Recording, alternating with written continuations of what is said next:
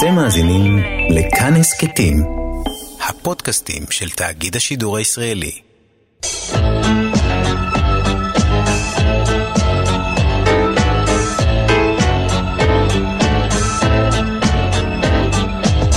גיבור תרבות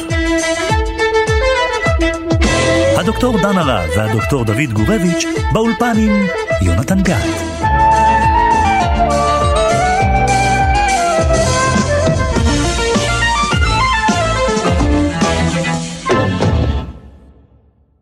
אני הלכתי ללמוד משפטים רק כדי להכניס את מקצוע האזרחות לבתי הספר. כדי שידעו מה זה חוק, ומה זה משפט, ומה זה דמוקרטיה, ומה זה סדרי שלטון ומשפט, ומה מותר לממשלה לעשות, ומה אסור לממשלה לעשות.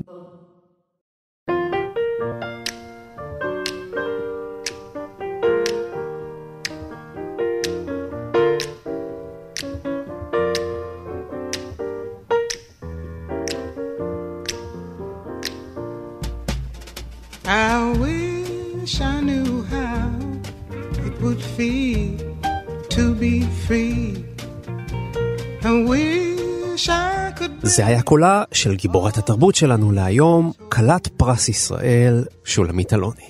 ואנחנו כאן, כרגיל, דוקטור דוד גורביץ', אהלן. דוקטור דן הרב, היי, אהלן. ואני יונתן גת, והיום אנחנו מדברים על הפייטרית הגדולה של השמאל ושל זכויות האדם, חלוצה ממש בכל הנושאים האלה של שוויון זכויות ומעמד האישה ועוד הרבה נושאים שאנחנו עוד uh, נדבר עליהם פה בהמשך, אבל מעבר לכל פריצות הדרך הפרלמנטריות שלה, שולמית אלוני זה גם הטמפרמנט. זה לא רק הידע, לא רק ההשכלה, זאת הלבה הרותחת הזאת שגרמה לה להיות תמיד ששה אלי קרב, ועם השילוב של חדות הלשון ויכולת ההצלפה הזאת, היא הפכה באמת לגיבורת התרבות של השמאל, שאנחנו כבר אה, לא כל כך רואים היום בכנסת. כן, אתה צודק. אה, שולמית אלוני היא בעצם האייקון הגדול של השמאל, האדמו"רית של השמאל. יש לנו את הרב עובדיה יוסף, ויש לנו את הרבנית אלוני. והיא חלוצה בתחומים רבים, חלוצה של זכויות האזרח, ליברליזם, בג"ץ, מילים uh, שמכוערות היום נשמעות לאנשים אחרים, לה הם נשמעו כמו צלצולי פעמונים, שהולכים ומתרחקים מאיתנו. היא חלוצה בתפיסה הפמיניסטית שלה, בעשייה שלה הראשונה, כשנכנסה לכנסת הייתה לה גם את מרשה פרידמן, שהייתה גם חלוצה בקנה מידה בינלאומי אה, אמריקאי של זכויות הפרט והפמיניזם, שלא היה פמיניזם ישראלי. היא, אני חושב שאפשר לראות בה גם אה, חלוצה של זכויות הלהט"בים לאט לאט ושל הנישואים האזרחיים ובכלל המגינה הגדולה של כל האחרים בחברה הישראלית. במובן הזה היא בעצם הייתה סמל של תקווה שהשמאל ראה בו את גיבורת התרבות שלו. אבל השאלה הגדולה היא, מה קורה עם גיבורת התרבות הגדולה ב-2019, ואיפה אנחנו הולכים כרגע. אני חושב שהסיפור של שולמית אלוני מעלה באמת איזשהו פרדוקס. מצד אחד הדברים שהיא דיברה עליהם נשמעים לחלקנו היום מובנים מאליהם. מצד שני אפשר להגיד שהמאבק הזה נמצא עדיין בתחילתו. בעידן של, אה, אנחנו מדברים על שנות ה-60, כן? בתחילת הדרך הפוליטית שלה, כשעוד אנחנו שלט, והוא עדיין במידה מסוימת שולט, אבל בשנות ה-60 להגיד שיש זכויות אדם, יש זכויות אזרח, לדבר בלשון יחיד בישראל של אותה תקופה, זאת uh, מהפכה. אני חושב שעדיין יש דרך עצומה, אנחנו נתקלים בה בימים אלה, עם הרבה מאוד מיעוטים והרבה מאוד אה, הגבלות של זכויות אזרח, ומן הסתם עוד נדון בזה בהמשך. שולמית אדלר נולדה לאבא נגר ולאימא תופרת, שניהם אגב ממשפחות רבניות, והם נאלצו לחיות חיי מחסור קשים בשכונת נווה שאנן בדרום תל אביב. הוריה התגרשו עוד כשהייתה ילדה, והיא נאלצה כבר בגיל חד ספרתי לפרנס את הבית בעבודות ניקיון. אחיה הצעיר מרדכי, שנשלח לכפר הנוער בן שמן, נהרג בגיל 12 בנפילה לבריכה, והיא האמינה שייתכן והתאבד בגלל מצבם המשפחתי והכלכלי. מאוחר יותר עברה בעצמה ללמוד בבן שמן, ואחד המורים שלה היה הסופר סמך יזהר, שהגדיר אותה כבולטת בפרעותה. היא הצטרפה להגנה ומאוחר יותר לפלמ"ח, ובן זוגה דאז נהרג באחת מהפעולות. היא עברה לתל אביב והחלה לעבוד כמורה ללימודי אזרחות, ובגיל 30 החלה לעבוד כאן, בכל ישראל, בהגשת התוכנית כיצד נעים הגלגלים, שיחות עם בני נוער בנושא האזרחות. מאוחר יותר הגישה תוכניות נוספות שעוסקות בטיפול בבעיות של האזרח מול הבירוקרטיה, מול אפליה והאטימות של מוסדות השלטון. בשנת 1965 הפכה לחברת כנסת מטעם מפא"י, ומאוחר יותר הקימה את המועצה הישראלית לצרכנות, שמטרתה לפעול להגנת הצרכנים, כן.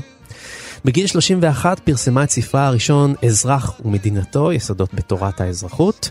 בשנת 1973 פרשה ממפא"י, ורבע שעה לפני סגירת הרשימות לבחירות הגישה אלוני את רשימתה החדשה רץ, התנועה לזכויות האזרח, וזכתה בשלושה מנדטים. כבר בשנת 1978 קראה לביטול חוק העונשין כלפי הקהילה הגאה, כן, קשה להאמין, אבל בזמנו היה חוק איסור פלילי על יחסים הומואיים, מדהים. ובשנת 1988 השלימה את המשימה כאשר החוק בוטל. ב-1992 עמדה בראש מפלגת מרץ, שהורכבה משלוש מפלגות, רץ בראשותה, מפ"ם בראשותו של יאיר צבן, ושינוי בראשותו של הפרופסור אמנון רובינשטיין. והמפלגה זכתה ל-12 מנדטים. התמנתה לשרת החינוך והתרבות, ולאחר שצידדה בנושא תורת האבולוציה, הופעלו על ממשלת רבין לחצים מכיוון סיעת ש"ס, והיא נאלצה להעביר את התפקיד לפרופסור רובינשטיין ולקבל את תיק המדע, האומנויות ותיק התקשורת. אחרי סכסוכים פנים-מפלגתיים עם יוסי שריד, החליטה אלוני ב-96 לפרוש מהנהגת מרץ ולעזוב את החיים הפוליטיים. הרב עובדיה יוסף אמר שביום שהיא תמות, הוא יערוך משתה, אבל הוא נפטר לפניה. כשיוסי שריד פרש מהכנסת, היא אמרה שהוא עייף מהפוליטיקה והפוליטיקה עייפה ממנו. על אהוד ברק היא אמרה שהדבר היחיד שדומה בינו לבין בן גוריון זה הגובה. היא כתבה סך הכל שישה ספרים. בשנת 2000 הוא ענק לה פרס ישראל על תרומתה לחברה ולמדינה. נפטרה בשנת 2014, ועוד דבר אחד, אחרי כל התפקידים, התארים והפרסים, היא ביקשה שעל המצבה שלה ייכתבו שלוש מילים בלבד. שולמית אלוני, אזרחית.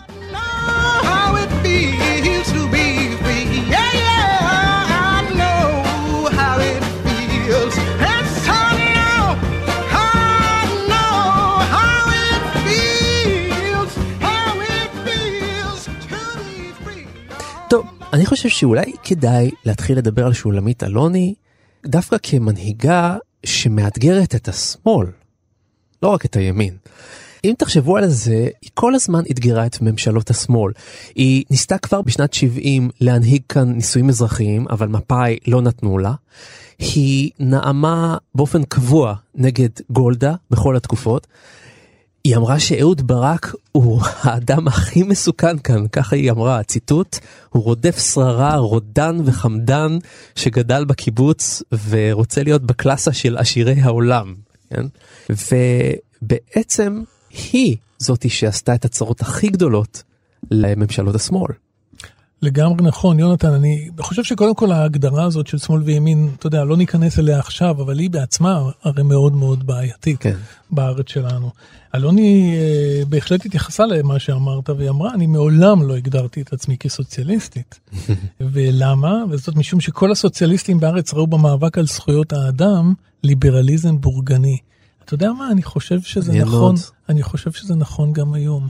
אני חושב שגם היום זכויות אדם נתפסות כאיזשהו קישוט, איזושהי... אה, לא משהו שייך לליברלים. בדיוק. ולא לסוציאליסטים שהם קולקטיביסטים במחשבה שלהם. קבוצתיים, בעוד. שהאינדיבידואליזם מזוהה עם הליברליזם ועם שולמית אלוני. בדיוק, ולכן כל העניין הוא, הוא באיזשהו אופן פרדוקסלי. היא אחת בתוך קבוצה, היא אחת שחותרת נגד רעיונות שנמצאים בבסיס של הקולקטיב. בבסיס הזה של, של להיות ביחד, ולכן היא אמרה שכאשר היא נאלצה להגדיר את השקפת עולמה, היא השתמשה בביטויים כמו ליברליזם רדיקלי, או סוציאל דמוקרטיה רדיקלית, וכיוצא בזה. אז אה, כן, היא הייתה שייכת באופן טבעי לשמאל, אבל זה לא הדבר הזה שאנחנו קוראים לו שמאל. אני גם חושב שבכלל, בישראל מדברים עדיין שמאל וימין, זה הרבה פעמים בסוגיות לאומיות, בסוגיות מדיניות, אתה בעד פשרה, אתה נגד פשרה, זה לא השיח של שולמית אלוני, היא באה ממקום אחר. וכשהיא מדברת על הסכסוך, כן, על השאלות המדיניות, זה בא מנקודת מוצא ליברלית, מנקודת מוצא שהיא קודם כל של זכויות. לפלסטינאים מגיעות זכויות בהיותם בני אדם, בהיותם סוג של אזרחים. זה קודם כל מתחיל מהיחיד, זה מתחיל מהזכויות של הפרט, כן. זה לא מהשאלות הגדולות של טריטוריה ואתניות ומעמד. מעניין ששני הכיוונים הללו, הכיוון הסוציאליסטי בשמאל והכיוון הליברלי בשמאל, שניהם שקעו ברבות כן. הימים. אז תחשוב עכשיו, המורשת הליברלית האינדיבידואליסטית, מגינה על זכויות האזרח, היום היא במצב של שקיעה מוחלטת. לעומת זאת, התפיסה האתנית הקולקטיביסטית היא ברמה שעולה ועולה ועולה לגמרי, על חשבון גישה פרטיקולרית, על חשבון הגישה האוניברסלית. אז בתחום של הליברליזם והפרט, והזכויות האוניברסליות של כולם, והכיבוש וכיוצא בזה, כל זה, אז אנחנו בעצם ברגרסיה, או בהתנגדות בעצם, באנטיתזה, במין אה, קונטר רבולוציה לרבולוציה שרצתה אלוני. עכשיו, נקודת מבט סוציאליסטית, אנחנו גם ברגרסיה מול ובהתנגדות ל- ל- לאפשרות לסוציאל דמוקרטיה רדיקלית, כמו שאתה אמרת יפה, שהיא כיוונה אליה. כי איפה אנחנו וסוציאל דמוקרטיה, זו מדינה לגמרי לגמרי קפיטליסטית. אז אפשר לומר שהיא ניזוקה גם מפה וגם משם, גם מהסוציאליזם והקולקטיביזם לכיוון של הקפיטליזם החזירי, גם מהכיוון של לאומנות. אתניות ואתנוצנטריות אה, פרטנית, כן, על חשבון אה, יסוד אה, של מחשבה אוניברסלית ועל חשבון של מחשבה. אז אנחנו בעצם נמצאים על שקיעת שני המושגים של השמאל, שאותם היא באיזושהי צורה ניסתה לייצג. חברי הכנסת הדתיים חוששים כי הצעת החוק תטשטש את אופייה היהודי של המדינה. פסילת הליכוד והמערך לדתיים תסכל את אישורו הסופי של החוק. חבר הכנסת פרוש, אני מכבדת, את זכותך לשבת וללמוד את הפרשות שנשארו תיקו בין רבה לאביי, עד 120. אתה אינך שותף בקביעת גורלנו ואי אפשר שאתה תתמרן את אופייה של המדינה ואת זכויות אזרחיה. כן, זה מתוך כתבה על הפולמוס בכנסת בעקבות חקיקת חוק היסוד כבוד האדם וחירותו, שזה בעצם אחת מפסגות שאיפותיה, על זה היא דיברה בעצם לאורך כל השנים, מהשנים שהיא הייתה מורה ועד להיותה שרה, זה בעצם הבסיס. זכויות האזרח הן לפני הכל. זה כבר. נכון, הזכויות האוניברסליות של האזרח. תחשוב שכל הפולמוס סביב בג"ץ היום, כולו מתבסס על הפרשנות של אותו חוק יסוד בסיסי ששולמית אלוני הביאה לחקיקתו, כך שאי אפשר להפריז בחשיבות של החוק הזה. זה בעצם מגדיר את הזכויות האוניברסליות של בני אדם, ולא את הזכויות שכולנו מנסים ב-2019 לקדם, את הזכויות הלאומיות, הסקטוריאליות, הפרטניות והאישיות. אז אה, כל המאבק הזה סביב בג"ץ, סביב אה, העוצמות השונות בשלטון, בעצם יסודו באותה החלטה מפורסמת שהעבירה ב-1992. אתה יודע, מה שמשך את תשומת ליבי זה הקטע שהבאת יונתן, שבו היא לכאורה מלגלגת או מבקרת את הרב פרוש על זה שהוא אה, משתמש בה- בהלכה על מנת אה, לנווט את ה... כן. הדבר המעניין היא ש, שהיא שלטה בה בהלכה.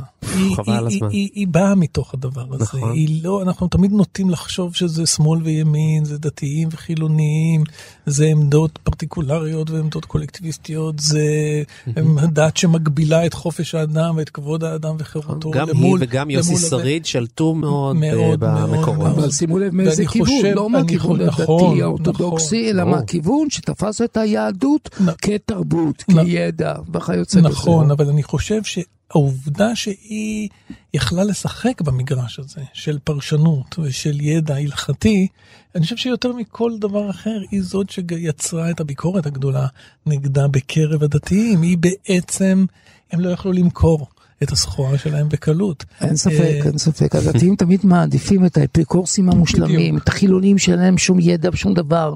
הם, אה, אז אפשר לתאר אותם כ...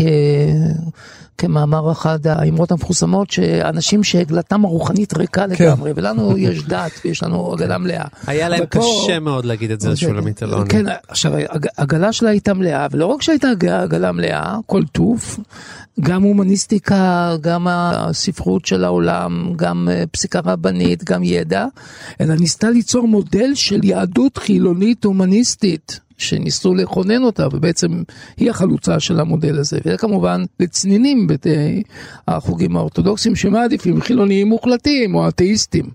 אז זה כביכול...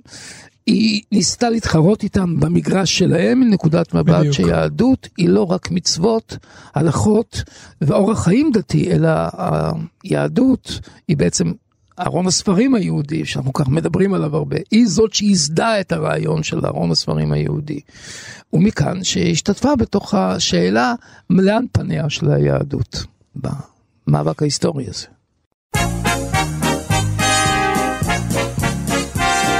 כשאני אומרת לא, למה אני מתכוונת? מה אני מתכננת? כשאני אומרת לא, האם זה לא כזה הבא לדרוש? או שמא לא מוחלט, כלומר לפרוש? האם זה לא כלומר שלילית או לא במשמעות כללית? כי לא, אחרי הכל הוא ייתכן, כי לא הוא לא תמיד הפוך, הפוך מכן.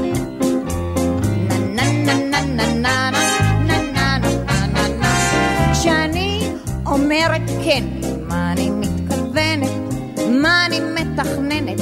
כשאני אומרת כן, האם זה כן כזה אני בפנים? או כן, תלוי בתיק או בתנאים? האם זה כן שינוי מצב מאז אמרתי קודם לאו כי כן? אחרי הכל הוא ייתכן, כי לא הוא לא תמיד הפוך הפוך מכן.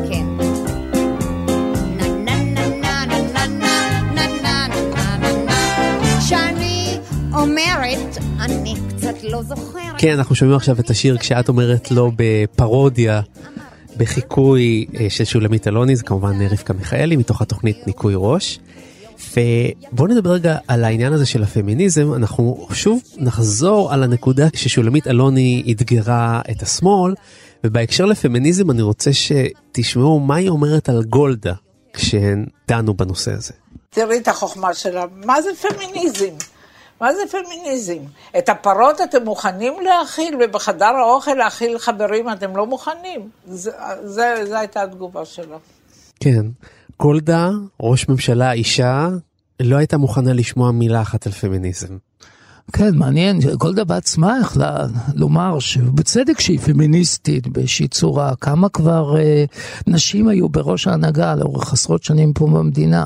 היא בטח הייתה ראש הממשלה, מעטות ראשות הממשלה בעולם. כן. אה, היא גם הייתה אדם עצמאי, היה לו הרבה חיים אישיים, הרבה יותר אה, מאהבים ממה שאנחנו חושבים. במובנים רבים היא הייתה אישה משוחררת, מה שאנחנו קוראים היום, או פמיניסטית אם אתה רוצה. או אדם שבעצם, אה, ומצד שני, שולמית אלוני באה כבר עם הפמיניזם האמריקאי של שנות ה-70, זאת אומרת פמיניזם הרבה יותר רדיקלי, פמיניזם שהוא לא רק עניין של איזה ג'וב תופסת האישה וכמה משכורת היא מקבלת והיא מקבלת צ'אנס, אלא בעצם ניסיון ליצור זהות פמיניסטית, זה היה זר לגמרי לגולדה, אני חושב שאתה... החיקוי הזה או את הפרודיה הזאת שעושה על גולדה יש להבין בהקשר הזה שאני בא מפמיניזם רדיקלי ואת אולי מדברת על פמיניזם במובן של הזדמנויות, של שכר, של עמדה נשית וכוח נשי מול כוחות של גברים במפעל הציוני ואני מדברת על זהות נשית חדשה. זו כבר התקדמות. אתה יודע, באותם שנים הייתה האמירה הזאת שגולדה היא הגבר היחיד בממשלה. זו אמירה מכוערת. אמירה מכוערת כן. מאוד, אבל אני תוהה אם גולדה ראתה את זה כבדיחה. או, או, או, או בעצם כמשהו שהוא בהחלט אה, אם מייצג גולדה אותה. לא ראתה את זה כבדיחה זו טרגדיה. זה בדיוק העניין. כן. אני, אני חושב שאת הממדים הנשיים, בדיוק כפי ששולמית אלוני אומרת בקטע הזה, גולדה העדיפה בעצם ל- להעלים או, או להצניע. אה, היא ראש ממשלה, היא לא כן. ראשת ממשלה, היא ראש ממשלה והיא בתפקיד שהוא תפקיד גברי. כן. היא אמרה שגולדה קנאה בה כי לאלוני היו רגליים מאוד יפות ולגולדה היו רגלי פסנתר. היא הייתה ראש הממשלה העריץ ביותר שהיה לנו, קשה ונזפה בכולם, כמו גננת, לא, גננת לא נוזפת כך בילדים. אה, גולדה מאיר הייתה אישה בורה והייתה צדקנית. והשילוב הנפלא הזה של צדקנות, שאני תמיד צודקת, עם בורות, נותן עוצמה שלא תאומן. ובנוסף, אם כל זה לא היה מספיק, אז הקרבות הגדולים שלה מול גולדה היו כמובן בנושא הפלסטינים. בואו נשמע עוד קטע אחד ממנה. אחרי הניצחון הגדול של 67, אני על דוכן חברי הכנסת אומרת שהגיע הזמן להפסיק להגיד ששחררנו את ארץ ישראל ואת השטחים, כי יש שם עם שרואה בנו כובשים. גולדה מולי עולה לדוכן ואומרת, איך את מעיזה להגיד על יהודים כובשים? והיא חזרה על המשפט הזה שלוש פעמים. ואני לא התאפקתי ואמרתי, ובכל זאת הם כובשים, ויותר קל וטוב להיות כובש מאשר להיות נכבש. תחשבו על זה שזה בשנת 67, אופוריה, מלחמת ששת הימים, אה, שחרור, כן? אפשר, אה, כל אחד יבחר את המילה שלו, שחרור ירושלים, כיבוש רבת הגולן, אופוריה ענקית. נכון, ואפילו אופוריה שהשמאל הציוני משתתף בה, כמו כל הנושאים האלה, כמו יגאל אלון. בדיוק, אה, השמאל, מפא"י. אה, מפא"י, ואחר כך אה, גם אחדות העבודה, כל החלק נכון. האקטיביסטי בתנועת העבודה. ועולה הבחורה ו- הצעירה הזאת כן. על הדוכן ומקלקלת את החגיגה זה של באמת- השמאל. זה באמת, באמת, הניצחון כביכול של 67 הוא ניצחון של השמאל, אם אפשר להגיד, של מפא"י, כן, כן. של האנשים האלה. מהבחינה הזאת היא נותנת נבואה כבר ב-67. אפשר להשוות רק את הנבואה הזאת לנבואה אחרת, בעלת עוצמה מקבילה, וזאת של ישעיהו לייבוביץ'. כן. זה מראה חשוב על החדות האינטלקטואלית והמבט המרחיק ראות שהיא ראתה, כשראתה כבר בתחילת הניצחון, דקה אחרי הניצחון, את המפלה הפוליטית ואת החוסר האונים הפוליטי שאנחנו נמצאים בו עד היום, 50 שנה ויותר אחרי הכיבוש הזה של 67. אה, זה לדעתך דוד כמובן, אנחנו נאזן את זה. ונגיד לא, אני שחרור. מתכוון, כן. שחרור אף אחד לא מדבר על זה. אפילו שחרור לא ירושלים. שחרור ירושלים, כן, טוב. העיר שחוברה לה יחדיו. כן. זה מכבסת המילים היא אינסופית. אוקיי. ואנחנו עשינו לשחרר את האיזון- כל דבר, אפשר אנחנו לשחרר את כל האיזון. דבר. כן. בכל אופן, שני הנביאים הגדולים של השמאל הרדיקלי שידעו להגיד את הדברים האלה היו באמת שולמית אלוני וישעיהו לייבוביץ'. לא היו הרבה אנשים בקנה מידה. היא בתוך הפוליטיקה, ריאל פוליטיקה, והוא בתחום האינטלקטואלי מוסרי, שנשאו את הקול הזה. והם היו כמעט קולות בודדים. מה? וחנוך לוין. וחנוך לוין, נכון. ואורי אבנרי. גם נכון, אז אני מודה לשניכם. אוקיי, אז בכל זאת זה יפה, באחת מתוך ארבעה. זה לא חבורה עצומה, לא? כן. אני חושב שחלק גדול מהעניין הזה של הכיבוש ב-67 היה במידה רבה כיבוש השפה. איך אנחנו מדברים, איך אנחנו מתייחסים אל המיעוט, איך אנחנו מגדירים את עצמנו לנוכח המציאות החדשה. וזה מאוד קשה בתנאים מסוימים להמציא שפה חדשה, בעצם לצאת נגד השיח השלט. העניין הזה שפתאום להגיד ב-67, זמן קצר אחרי סיום המלחמה, הם נכבשו, אה, הם כבושים. אנחנו כובשים, כן. זה לכשעצמו מצביע על איזושהי חירות מחשבתית ועל איזשהו חופש אה, תודעתי, הייתי אומר, שאפיין את שולמית אלוני בכל דרכה.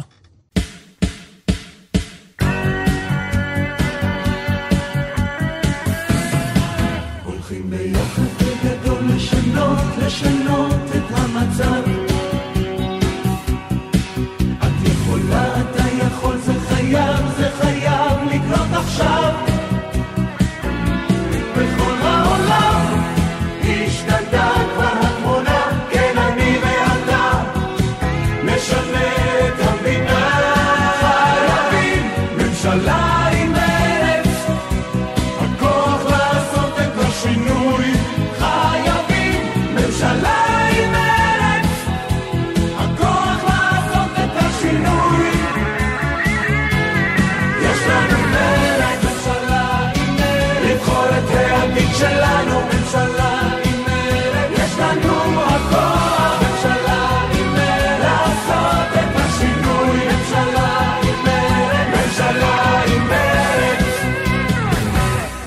ואיתנו נמצאת העיתונאית ויוצרת הסרט הדוקומנטרי האזרחית אלוני, ענת סרגוסטי. אהלן.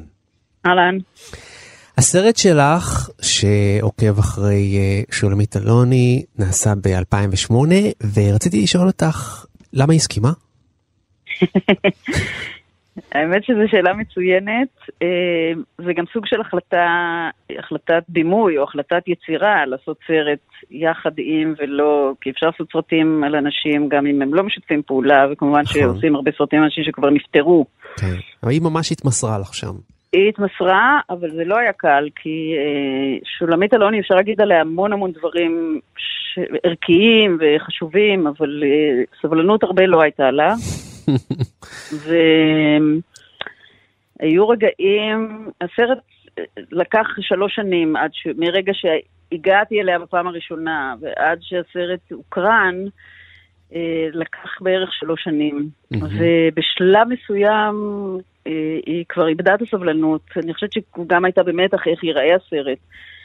ואני חושבת שהיא הייתה אומרת לי, אני יודעת מה את רוצה, את רוצה שאני אמות, את מחכה שאני אמות, ואז תוכלי לעשות מה שאת רוצה, אני אוציא נגדך צו מניעה, שאת לא תוכלי להקרין את הסרט, ולא תוכלי להשתמש בחומרים, ו... אני חושבת שהמתח היה לה קצת אה, קשה, וזה גם באמת, לעשות סרט זה מהלך מאוד מאוד מאוד ארוך ו... ו... ומעמיק של תחקיר ואיסוף חומרים וראיונות וראיונות עם אנשים וגם ראיונות איתם, היו כמה וכמה וכמה ראיונות וגם לקחתי אותה לכל מיני מקומות. אז uh, היא לא הבינה למה זה לוקח כל כך הרבה זמן, כאילו, אז uh, היה לה קשה להכיל את זה. כן. תגידי, מה היה הדבר הכי מפתיע? אני אגיד לך אה, כמה דברים שהיו מפתיעים, אני לא חושבת שאפשר להגיד דבר אחד. הדבר שאותי מאוד מאוד מאוד הרשים, זה היכולת שלה לצטט בעל פה אה, טקסטים שלמים, אה, קנונים, Mhm. גם שירה כן. מאוד מגוונת, וגם כמובן טקסטים מקראיים, כן. יהודיים, שליטה יוצאת מן הכלל. זאת אומרת, זה, זה לא היה מראית עין בזה, ולא היה שם שום זיוף או צביעות או משהו כזה, היא פשוט ישבה. בר- ברמת האסוציאציות היא הייתה מצטטת דברים ששירתו אותה, או שעזרו לה לה- להבהיר משהו, ובעיקר שירה.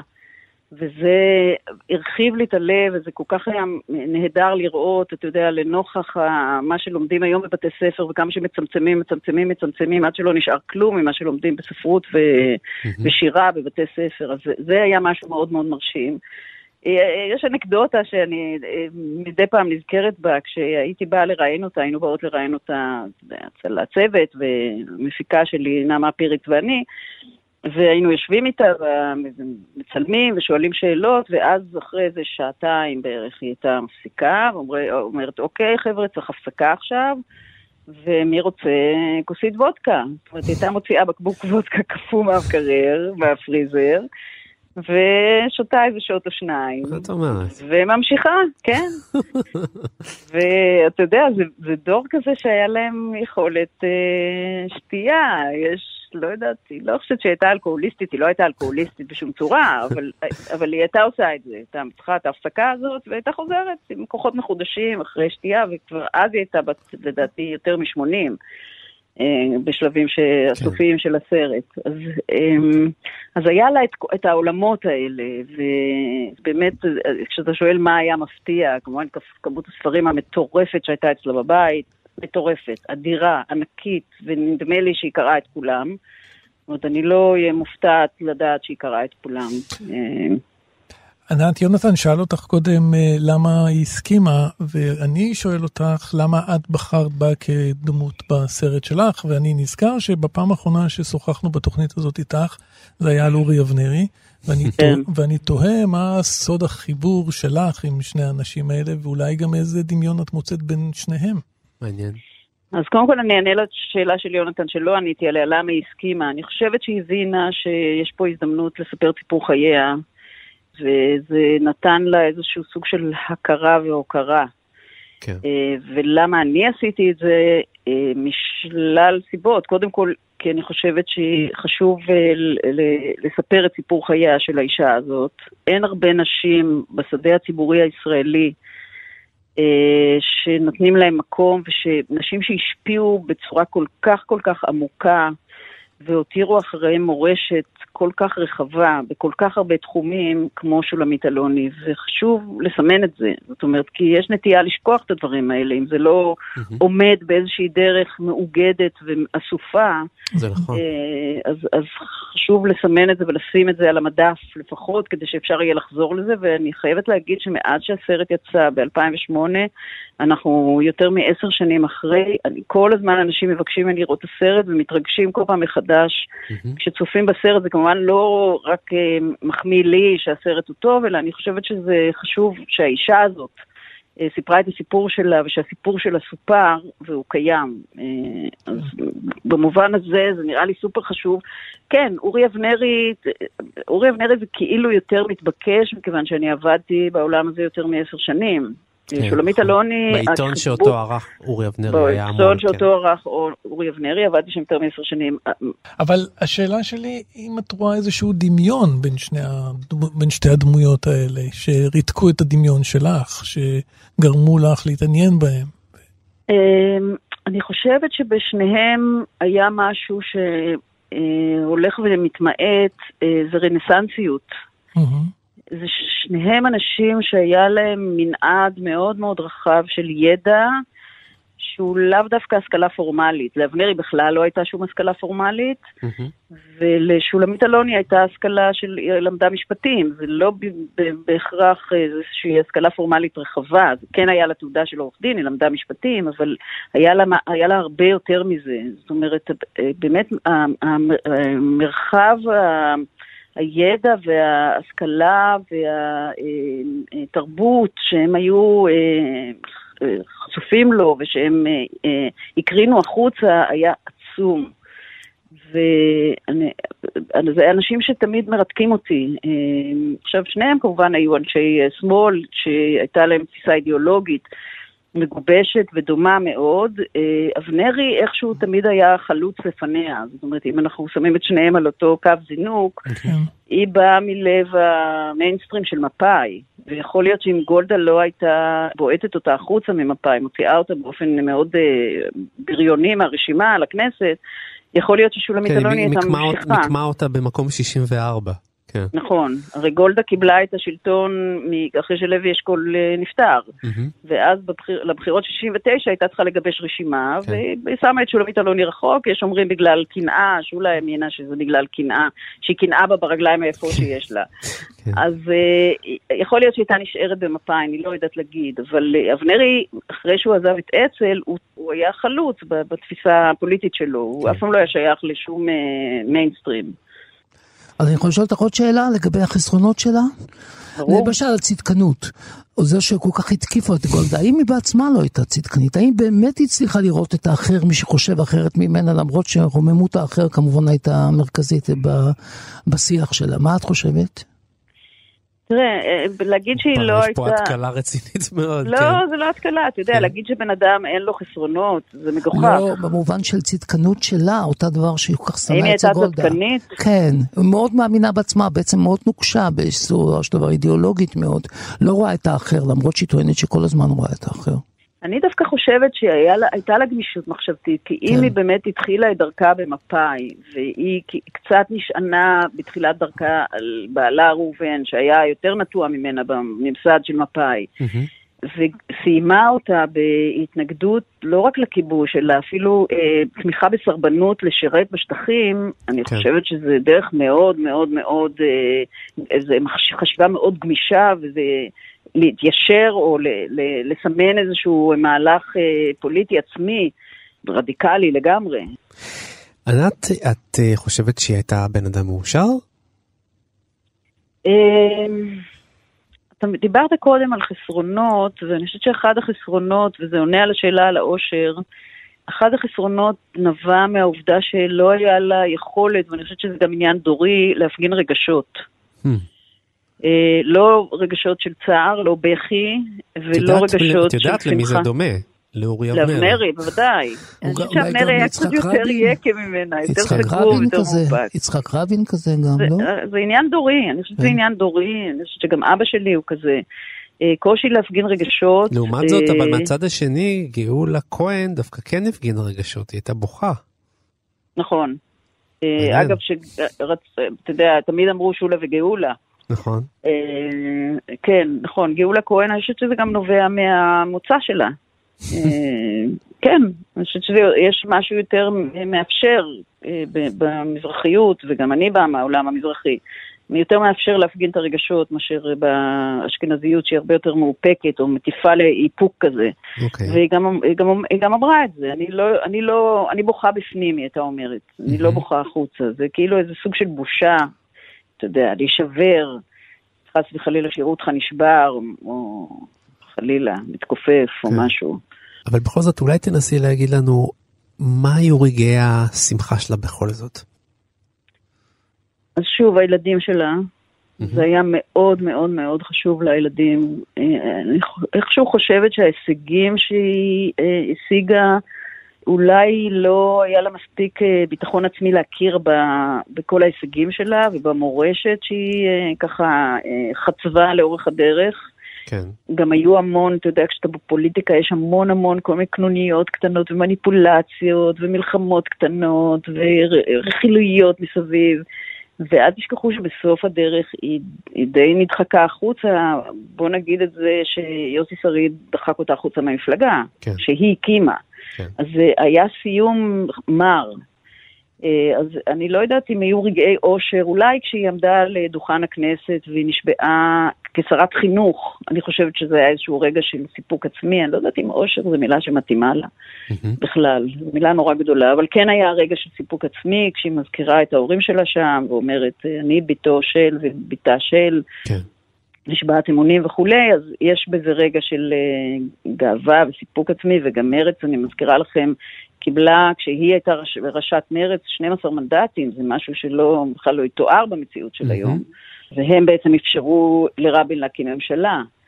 אז אה, אלה, אני חושבת שהיו רגעים של סיפוק בשדה הפוליטי, נגיד, הציבורי, ובשדה הפרטי היו לה, אני בטוחה שהיו לה המון רגעי אושר עם הנכדות שלה, הנכדים שלה וה, והמשפחה שלה, שוב, שהייתה מאוד מאוד מחוברת, וכולם דאגו לכולם כל הזמן.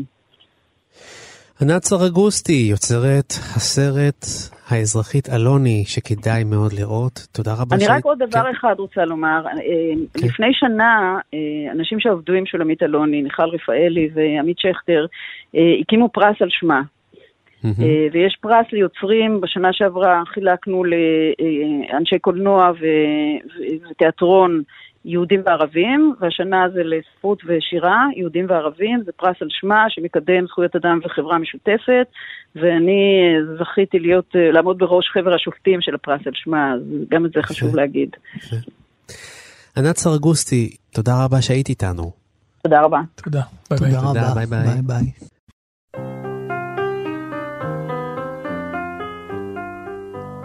שחקי שחקי על החלומות, זו אני החולם שח. שחקי כי באדם אמין, כי עודני מאמין בך. שחקי כי באדם אמין, כי עודני מאמין בך.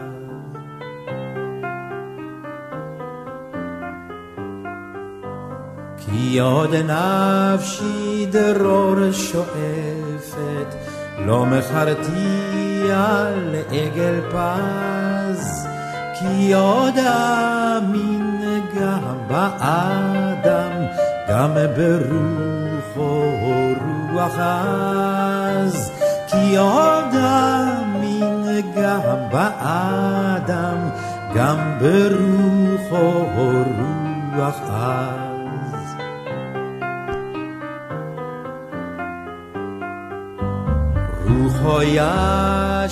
אתם זוכרים שדיברנו כאן על אה, גאולה כהן? כן. יש אה, שיגידו שיש דמיון גדול בין שתי האנשים הללו, כל אחת אה, הייתה רדיקלית אולי לאיזה שעתה, או בוטה, או לוחמנית, אבל יש בכל זאת הבדל גדול. גאולה כהן הצהירה שמה שמעניין אותה זו שלמות הארץ. אנחנו זוכרים, כשלימור לבנת התראיינה אצלנו, השרה לשעבר לימור לבנת, היא אמרה שהיא ניסתה לגייס את גאולה כהן למאבק הפמיניסטי, והיא אמרה לה, גאולה, אפשר גם שלמות הארץ וגם פמיניזם, וגאולה כהן אמרה לה, לא, יש רק, כן. אפשר רק דבר אחד, ארץ ישראל. לעומת זאת, שולמית אלוני זה לא רק חתירה לשלום, זה לא רק פמיניזם, לא רק הנושא החילוני, בעצם הכל מתקשר לנושא האזרחי, הזכויות נכון. האזרח, שממנו יוצאים כל מיני ענפים לכל מיני כיוונים. אני חושב שבהשוואה הזאת שאתה מציע, אה, יש פנים לכאן ולכאן, באמת. מצד אחד יש דמיון ביניהם, אבל לא באידיאולוגיה כמובן, ולא בהשקפה הרעת חיים, אלא בטמפרמנט. ברדיקליות של העמדה, ביכולת לאתגר כל אחד את המחנה של עצמו. אתה הצגת את זה נכון, שאלוני אתגרה את השמאל.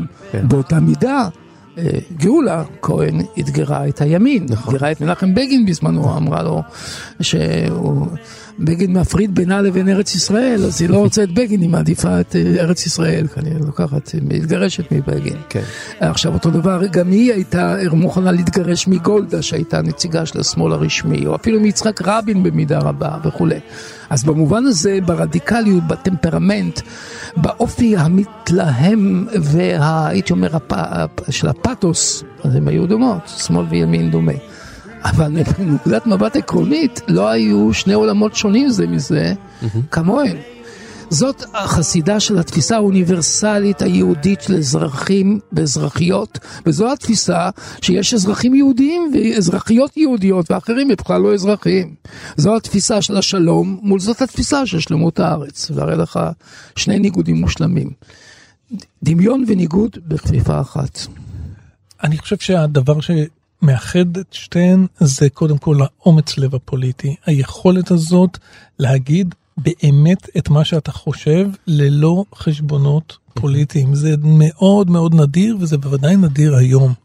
גם בימין. גם בשמאל, אתה לא רואה אמירות מוחלטות, אתה לא, אתה רואה המון פרגמטיזם, אתה רואה המון התחשבנות, אתה רואה המון חשיבה על מה יצא למפלגה מזה וכן הלאה.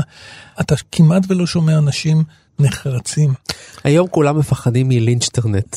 גם, גם. אה, שולמית אלוני אמרה דברים שעל כל אחד מהם היו יכולים לעשות לה שיימינג, והיא לא פחדה מזה, זה נכון. אנחנו גם מדברים על עידן אחר, אנחנו מדברים על עידן הרבה יותר אידיאולוגי, והיום אנחנו נמצאים בעידן פוסט אידיאולוגי, עידן של רגש, של תמונה, של שיימינג, של רשתות חברתיות, של ריגושים, של הולכת דעת קהל, של דימויים, של אינסטגרם, אנחנו לא נמצאים באותו עולם בכלל. העולם של האידיאולוגיה והעולם של האינסטגרם לא מתחברים בכלל זה בזה. האידיאולוגיה היחידה של האינסטגרם היא המכירה הקפיטליסטית, בזה זה נגמר העניין, אבל שם זאת מאמינה בשלמות הארץ, זאת מאמינה בשלום ועד הסוף.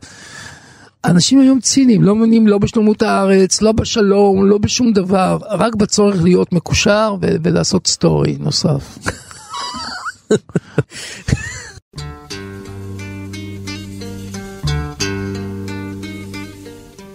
את חירותי, שמרתי לי אותך, כמו כוכב בסער. סיימנו, אבל זה לא הכל, כי לנו יש עוד כמה וכמה גיבורות תרבות מהתחום הפוליטי, ואנחנו עדיין עוד לא שברנו את המגמה שלנו, אנחנו עסקנו עד היום רק בפוליטיקאיות נשים.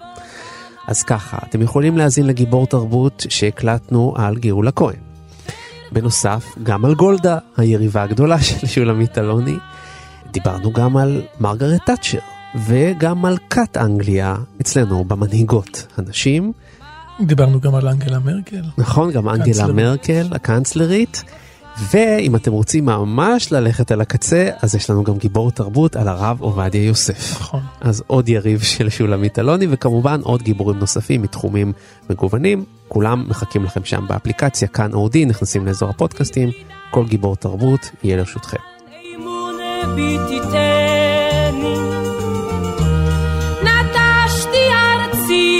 וטובי ידידיי, ושלך רק הנני, את חירותי. אני רוצה להודות לטכנאי שלנו, תמיר צוברי, לאייל שינדלר ולשלומי בן עטיה שהביאו אותנו כאן לשידור. ותודה רבה לשני החברים שלי כאן באולפן, לדוקטור דוד גורביץ'. תודה רבה. דוקטור דן הרב. תודה, תודה יונתן. אתם דוקטורים אבל עדיין אזרחים, כן? וכולנו פה באולפן שווי זכויות. אני הייתי יונתן גת, ואנחנו נתראה בשבוע הבא עם גיבור תרבות נוסף. להתראות. ביי ביי. עת יפה, בתנועה רחבה, נעלה את השער.